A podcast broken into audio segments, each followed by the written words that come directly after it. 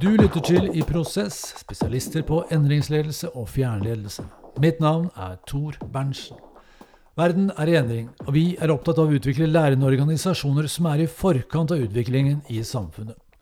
Fremtiden skapes jo av vanlige mennesker hver dag, og i denne podkastserien vil vi dele våre refleksjoner om hva slags fremtid vi ønsker. Med meg på telefonen i dag har jeg Grete Bergli, konsernsjef i Multiconsult. Velkommen, Grete. Mange takk. Hei. Jeg må spørre deg, Grete, Er du på hovedkontoret eller er du på hjemmekontoret? Åssen er det om nå om dagen?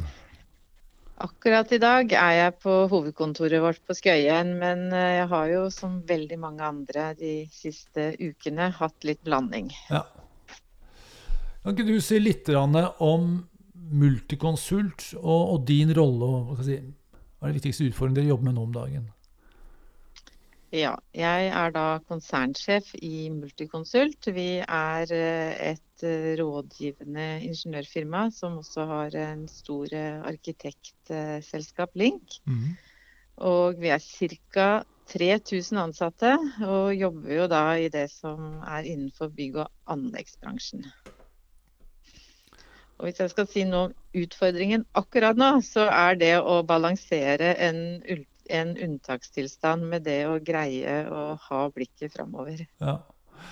Er dere veldig berørt av si, stengingen av Norge? Eller, eller går anleggsbransjen sånn nesten som tidligere? Nei, det, det er stor variasjon. Eh, nå er det jo slik at veldig mye av det vi jobber med i den fasen vi er involvert, det er ting hvor salget er gjort for en god stund siden. Og vi er ikke så avhengig av byggeplasser men det er klart noe av det vi gjør, er det. Og en del av uh, de byggeplassene vi følger opp, der er det stopp. Og så ser vi litt tendenser nå, og det er vanlig når det blir en stopp i bygg og anlegg, så er arkitektene det er temperaturmåleren. Ja. Og der er det ting som tyder på at det går litt tyngre nå. Ja, akkurat. Vi har lyst til å snakke litt om framtiden, siden nåtiden er veldig engasjerende for oss alle. Så ja, jeg syns vi lever i en spesiell tid, da, og det er sikkert mange som har sagt det før meg, men la meg komme med en liten oppsummering da, på det litt store bildet. Uh, vi har digitalisering, vi har automatisering, kunstig intelligens, globalisering og selvfølgelig en pandemi som stenger ned store deler av samfunnet. Og det er den korte listen. Kan du si litt om hvordan dette preger ditt selskap, og kanskje litt om måten du leder på? Ja, hadde du spurt meg før 12.3, så hadde de tingene du listet først, vært det vi hadde vært opptatt av. Ja, Men det er helt klart at eh, pandemien, det er det som på, I løpet av én dag så var driften av selskapet vårt snudd helt på hodet. Ja. Og vi opplevde jo da, fra å sitte på kontor, så har vi nå en situasjon hvor over 70% av våre medarbeidere sitter hjemme og produserer hjemmefra. Hvordan fungerer det? Altså, for dere er jo en rådgivningstjeneste, dere må jo snakke med folk eh, og kanskje se litt på ting og sånn. Hvordan fungerer den hjemmekontorløsningen? Det har jo fungert uh, over all forventning. Og eh, vi kan snakke om fremtid og endring, så er det noe vi virkelig har fått lære nå, så er det jo hva som er mulig. Ja. Eh, helt utafor den komfortsonen og det rammeverket vi kanskje trodde. og vi, det kommer nok også til å prege tenker jeg, hvordan vi kommer til å samhandle og jobbe sammen videre. Men vi har hatt uh, avdelingsmøter, vi har hatt ledersamlinger, vi har hatt teamsamlinger med inntil 30-40 stykker. Og det går fint. Ja. Jeg må si at jeg har blitt skal vi si, jeg har fått bekreftet uh, antakelse, men jeg har aldri erfart på samme måte før. altså hvor mye endring i rammebetingelsene har å si på folks holdninger. Altså, vi har sagt mm til folk eh, mm. vær så snill å bruke eh, hjemme, eller videomøter mer, så får du, da går det sakte, og det går for mye motstand. Når rammebetingelsene sier enten så lærer vi oss videomøter, eller så funker det ikke, da kan alle det ganske raskt. da er det ikke så mye motstand heller. Nei, og det er eh, Jeg tror det er det positive vi skal ta med oss. Og vi har, vi har spurt organisasjonen vår om hvordan de har det. Og de svarer jo at de de greier å utføre jobben sin. De får den informasjonen de trenger. Men uh, de savner den, det å se folk, den der litt uformelle mellom møtene. Det å ha et sted å komme til. Og jeg kan egentlig ikke få rost medarbeiderne våre nok. Det er den enorme fleksibiliteten ja. og den, det de har mobilisert i disse ukene. Og så skal vi nok være litt obs på at uh, det også kan være litt slitasje over tid. Som uh, vi må ta på alvor. Absolutt. Vi er sosiale individer. Vi trenger andre mennesker. Du, ja. dette med globalisering og automatisering og kunstig intelligens, er dette, er, er dette ting som påvirker rådgivningstjenesten sterkt? Ja, øh, og øh, vi er jo vi jobber jo multikonsult, og vi jobber jo til dels internasjonalt, selv om størstedelen av vår virksomhet er i, i, Norge. Men vi ser jo også at det kommer andre aktører inn på våre markeder. Men ikke minst dette med digitalisering kommer til å prege veldig arbeidsformen vår. Og noe av det vi gjør, er jo produksjon. Når vi, når vi er i detaljprosjektering, da er vi i produksjon. Ja. Og noe av det tror vi kommer til å bli gjort av helt andre enn oss. Kanskje andre steder i verden. Men ikke minst kanskje av maskiner og på mye raskere tid enn det vi gjør i dag. Akkurat. Så fremtida er veldig annerledes enn fortida nå, om noen dagen? Ja, ja, og den kan være det er ingen som vet. Vi har en forretningsmodell der vi selger timer. Eh, når du bruker en tiendedel eller en, en hundredel, men skaper samme verdi, så må vi jo se på hvordan, hvordan skal vi være med i denne utviklingen og samtidig få betalt da, for verdi vi tilfører, ikke så mye timer kanskje. Ja, Det er en, eh, en utfordring som både advokatbransjen og min egen bransje har grubla på mange ganger uten å klare å endre på det. Så når du gjør det, så si ifra, så skal, må vi ta en prat om det. ja, det skal jeg. Og vi er jo eh, Det andre som kommer til å skje, tror jeg, når det gjelder digitalisering, det er jo at verdikjeden og disse vekslingene man har gjort i verdikjeden fra utredning til prosjektering til bygging, de kommer nok òg til å endre seg. Ja. Men du, sånne kriser og krevende situasjoner de kan av og til få oss til å stoppe opp og tenke de store tankene. altså Hvorfor gjør vi dette? Hva vil vi egentlig? Hva slags framtid er det vi ønsker å skape? Og Som mennesker så gjør jo alle dette innimellom, men uh, som ledere så er det en naturlig del av rollen. og nå Med pandemien og sånt så er det kanskje en ekstra grunn til å tenke litt på framtiden. Uh, hva slags framtid er det du ønsker deg for Norge og ditt eget selskap uh, i det store bildet? Kan du, si, kan du si noe om det? Ta gjerne alle mulige forbehold og ombestem deg i morgen, men det var gøy å høre. Ja. Eh, det som jeg konstaterer, i hvert fall, er jo at det, det, skjer noe med hele måten forretning tenkes på. Jeg så, jeg tror jeg leste i fjor sommer at selv de der helt uh, virkelig business, hardbarka for businessfolkene i USA er blitt enige om at selskap har et ansvar utover det å tjene penger. Eh, og eh, jeg tenker at framtida for Multiconsult, det er jo å balansere det vi har en forpliktelse for overfor våre eiere og våre medarbeidere og det samfunnet vi lever i. Og vi er jo privilegert fordi vi lever av eh, det å bygge, det å skape samfunnet rundt oss. Og det betyr at vi også kan være en del av løsninger på mange av de utfordringene vi ser at samfunnet i Norge, men også verden, står overfor knytta til bærekraft, klima, det å utsette naturen vår for det presset vi gjør. Ja.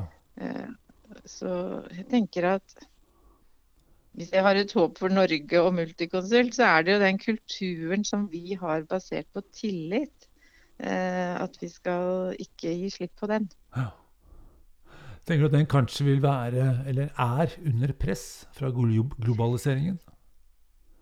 Jeg tenker i hvert fall at vi eh, tar det litt for gitt eh, noen ganger. At eh, slik vi driver forretning og slik vi stoler på hverandre her i Norge, eh, ikke nødvendigvis eh, eh, kommer av seg selv. Da. Så mm. det, og jeg vi Multiconsult vi har jo kontorer, så jeg har vært så heldig. Jeg har fått jobbe litt i Afrika, jeg har fått jobbe litt i Singapore. Vi har et kontor i Polen. Det er litt ulike kulturer, men allikevel eh, så opplever jo vi at den tillitsbaserte tilnærmingen, det er noe mange setter pris på. Ja. Vi trenger kanskje litt kontraster for å liksom vite hva som er det aller viktigste for oss. Altså Nå under pandemien så kjenner vi på at eh, vi savner kollegaer. og vi, Vi savner det samhold og fellesskapet. Eh, som vi kanskje har tatt for gitt tidligere, men som nå blir ekstra viktig for oss. Og, eh, ja. Eh, og, og, det tror jeg Hvis du tenker på selskapskultur, da, så håper jo jeg og ser Jeg har bodd og jobbet i, i Skottland i mange år selv. Og den selvfølgen vi her i Norge tar at det skal være en balanse da, mellom et liv utenfor jobb og på jobb. Og at det ikke nødvendigvis uh, hindrer god verdiskapning eller karriere. Mm. Det er også en ting jeg tenker vi i Norge kunne vist fram til resten av verden. Ja, det er bra. Og det gjør vi nok også i noen bransjer. Men jeg tror nok at du har rett i det. Altså, at vi, globaliseringen gjør at vi kan kjenne på at dette betyr mye for oss. Kanskje viktigere enn veldig mange andre ting. I dette fremtidsscenarioet, ser du for deg at uh, det samspillet mellom leder og medarbeider som vi har i dag, tror du at det at utfordringen er å ta vare på det, eller tror du at det vil komme til å utvikle seg? eller Hva tenker du om det? Det er jo, eh, For bare ta et, et ekstremt scenario. Altså jeg hørte en podkast for et par dager siden som handla om den lederløse organisasjonen. Ja, ja. Det har jo vært lansert, det. At uh, i den uh, nye kulturen hvor vi alle er eksperter, ikke sant, så trenger du ikke ledere. Jeg tror jo at man uh, trenger ledere. Jeg har jobbet i kulturer hvor organisasjoner er underleda. Og det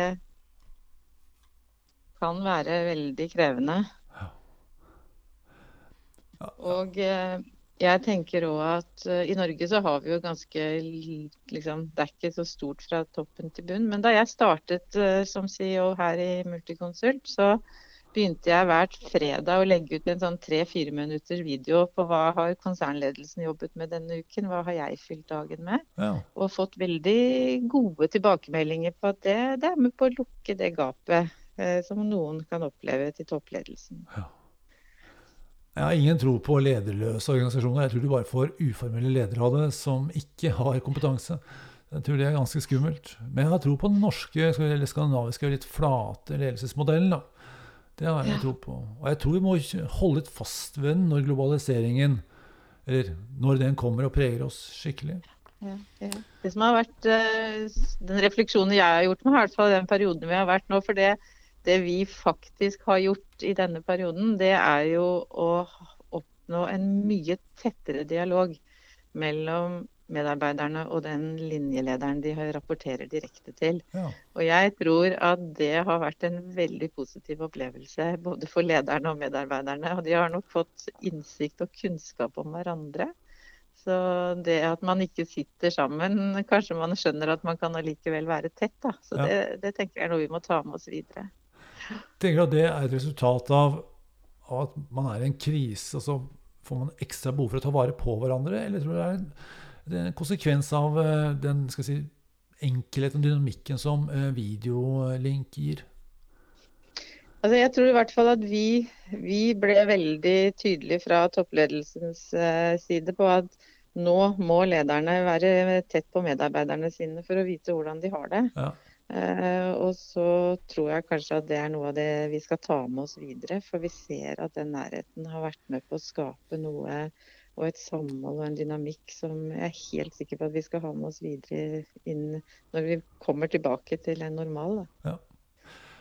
Hvis vi går litt frem i tid, hva tenker du om konkurransebildet om fem-ti år? Tror du det vil være veldig annerledes i denne bransjen enn det er i dag? Ja, jeg tror det. Og vi er jo allerede en bransje hvor det er det er allerede en ganske sterk konkurranse i, i bygg og anlegg. Det er mye, mye, basert på tilbud. Mye offentlige tilbud. Eh, men jeg tror også at vi kommer til å oppleve at de store internasjonale entreprenørene entrer eh, dette markedet. Det har det jo stått en god del i avisen om også på disse store samferdselsprosjektene. Ehm, og da tror jeg kanskje at uh, allianser og tettere allianser uh, blir viktigere. Uh, og da skal det jo være slik at det skal kunne være et konkurransefortrinn. Men hvis du da ikke har funnet alliansepartneren din, så vil du kanskje streve i, om en 10-15 år. Ja. Hva tenker du er Multiconsult sitt konkurransefortrinn i det, i det scenarioet? Eller hva skal dere gjøre for å sørge for at dere vinner og blir aller, aller best? Eh, Det vi, det er, jeg prøver i alt jeg snakker om til organisasjonen å huske at vi lever av kundene våre. Det å forstå kundene våre, det å virkelig bruke tid med det. Eh, og det å også investere sammen med, vise vilje da, til å investere sammen med alliansepartnere. Ja. Slik at man bygger litt sånn strukturell eh, kompetanse sammen som over tid vil lønne seg. Mm. Og, og vi har jo en erfaring eh, Vi har hatt en slik fantastisk eh, allianse på mange måter med Aker og, og Kverner i over mange, mange år. Som jeg tror har gagna begge parter, og også kundene våre. Hva gjør du for å sikre at du eh, fortsetter å vokse og utvikle deg selv som leder? Det er jo krevende å dra et selskap inn i framtiden sånn som du gjør. Ja, jeg, jeg hører på podkaster, da. Sånn som, de, sånn som dine. Jeg prøver nå å høre liksom, både de som tenker på tech, men jeg også eh, Jeg er jo som person veldig opptatt av at jeg har mennesker rundt meg, at jeg bygger team. Eh, og da og jeg er gammel håndballspiller, så jeg er vant til å få tilbakemelding. Så det å oppfordre de rundt meg til å gi tilbakemelding, eh, på godt og vondt, eh, det er viktig. I 2016 var jeg så heldig at jeg fikk lov å være fire uker på INSEAD. Eh, virkelig følge med helt i fronten av det som foregår. Og så leser jeg ganske mye rundt ledelse. Ja. Vikingene de mente at et godt ettermæle var det viktigste av alt. Man skal utføre minneverdige bedrifter i løpet av karrieren.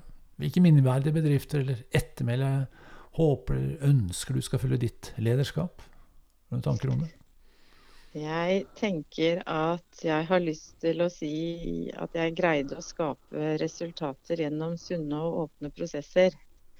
Eh, og det å få fram de beste i de jeg jobber sammen med. Jeg har eh, alltid sagt at den dagen jeg går ut døra, så håper jeg at jeg skal snu meg, og i den trappa bak meg skal det stå en del mennesker som jeg tenker det der var jeg med å utvikle. Ja, fantastisk. Grete, da sier jeg tusen takk for samtalen. Ja. Mange takk skal du ha. I Prosess har spesialisert seg på fjernledelse og lederkommunikasjon. Vi tilbyr online lederprogram og korte online minikurs som bevisstgjør ledere i de viktigste prinsippene for fjernledelse og kommunikasjon i videomøte. Målet er superledelse å hjelpe medarbeiderne til å lede seg selv. Du finner mer informasjon på iprosess.no slash lederprogram.